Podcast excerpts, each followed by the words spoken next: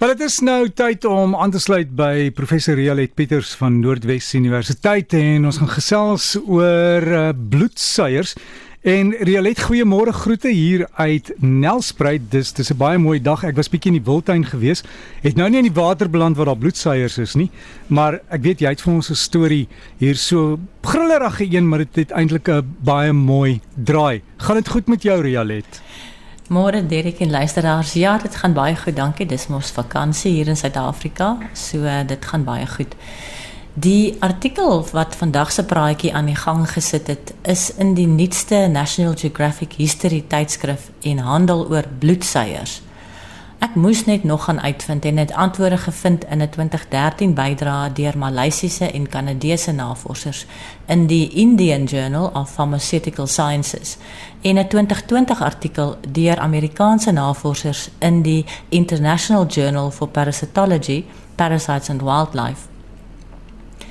Die National Geographic artikel handel hoofsaaklik oor die oorgebruik van bloedsuiers in die mediese wetenskap, veral in die 1800s vir die behandeling vir 'n groot verskeidenheid menslike skete en kwale.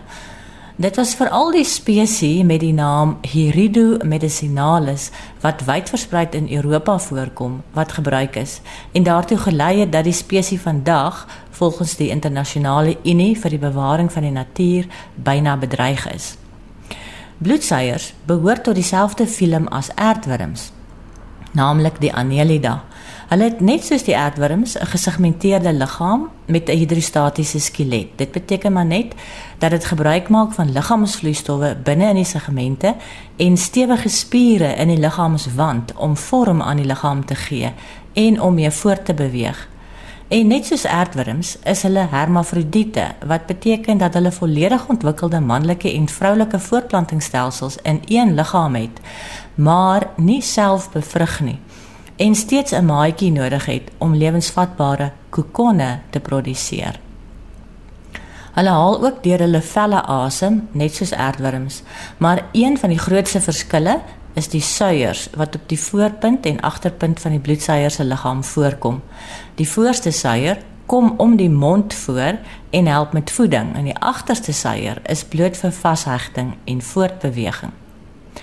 Daar's meer as 700 bloedsuier spesies in die wêreld en hulle kom op alle kontinente voor, hier by ons ook ja, maar net nie op Antarktika nie.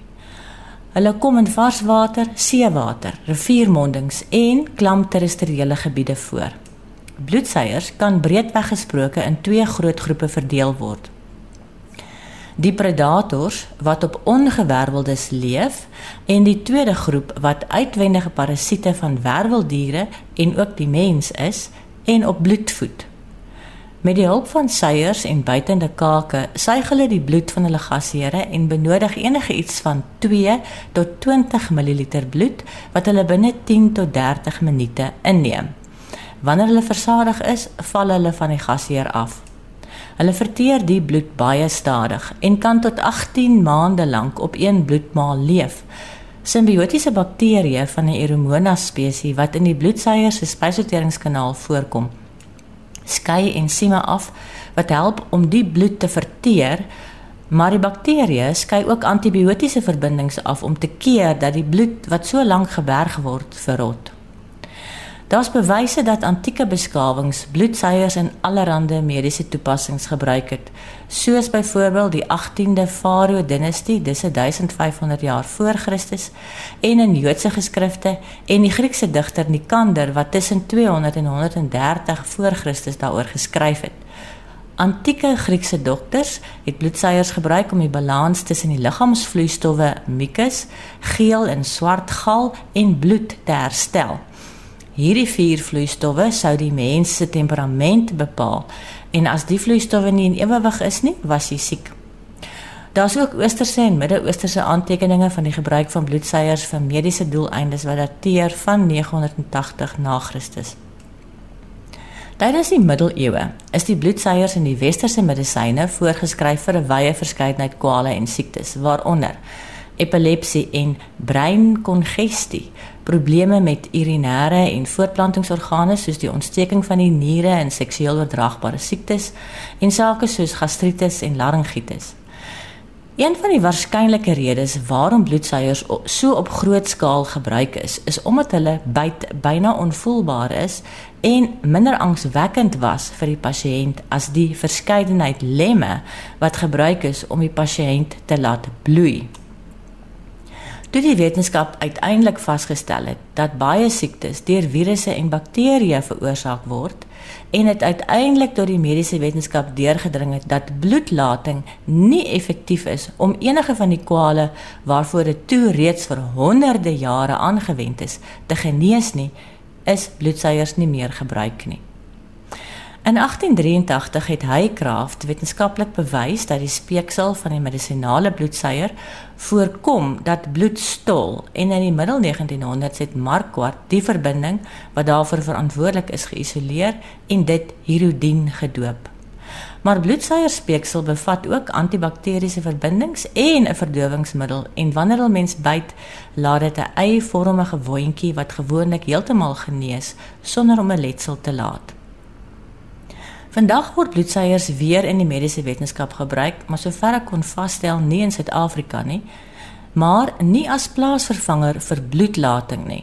Dis eerder die bloedverdunningskapasiteit en die verwydering van opgehoopte bloed in wonde wat nie deur die liggaam self verwyder word nie. Die anti-inflammatoriese en verdowende eienskappe in die bloedsuierspeeksel verminder die pyn en teerheid wat dikwels voorkom by gewrigte van mense wat aan osteoartritis ly. En hulle kan ook aangewend word in die behandeling van hartvat en ander bloedvatsiektes om ontsteking te verminder en bloedtoevoer te verbeter. En diabetesleiers se bloed is effens dikker wat beteken dat hulle bloedvloei probleme ontwikkel na die uiteindes van die liggaam, soos byvoorbeeld die tone maar die bloedverdunner hirodien verlig die druk op die hart en die kardiovaskulêre stelsels. En dan word bloedsuiers ook aangewend in rekonstruktiewe en kosmetiese operasies van die neus, voorkop, borste, wange en vingers en tone. En bloedsuierbehandeling affekteer die bloedstolling tydens en na afloop van hierdie soort operasies en help die liggaam om volledig te herstel. Natuurlik word die bloedsuiers wat in vandag se mediese wetenskap aangewend word, met groot omsigtigheid gebruik en word daar verseker dat hulle nie bakterieë na die pasiënt oordra wanneer hulle hulle werk doen nie. Ek het op die omgewingspraatjie se Facebookblad foto's geplaas van een van die bloedsuierspesies wat in die mediese wetenskap gebruik word. Gaan kyk 'n bietjie. En Rialet, ja, dis dis 'n grillerige storie. Sal jy as jy 'n mediese probleem het toelaat dat die bloedsuiers jou help? Ja, ek is nogal dapper as dit daaroor gaan. Ek hou van natuurlike oplossings vir uh, mediese probleme. Ehm uh, maar natuurlik op voorwaarde dat hierdie ehm uh, organisme geteel is in 'n laboratorium wat uh, waar daar steriel te werk gegaan is, want jy wil nou nie hê die ou dingetjie moet uh, bakterieë na jou oordra en ontsteking veroorsaak in plaas van om jou gesond te maak. Nee, nee, maar ek sal ek sien kans daarvoor. Rielet en baie dankie vir al jou bydraes die afgelope jaar en die nuwe jaar lê voor. Ek hoop dit gaan 'n baie goeie jaar vir jou wees. Dankie Derek, daar vir julle ook, hoop, voorspoed.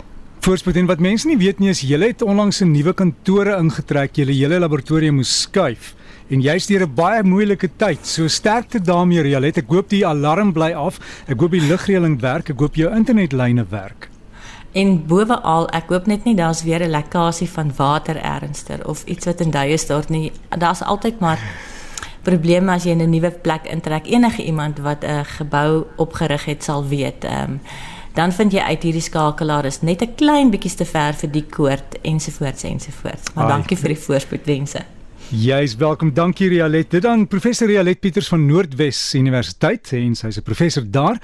En as jy wil kontak maak, gaan loer op daai omgewingspraatjies Facebookblad. Jy kan daar vanaf 'n e-pos of net 'n boodskap stuur en dalk 'n bydrae maak.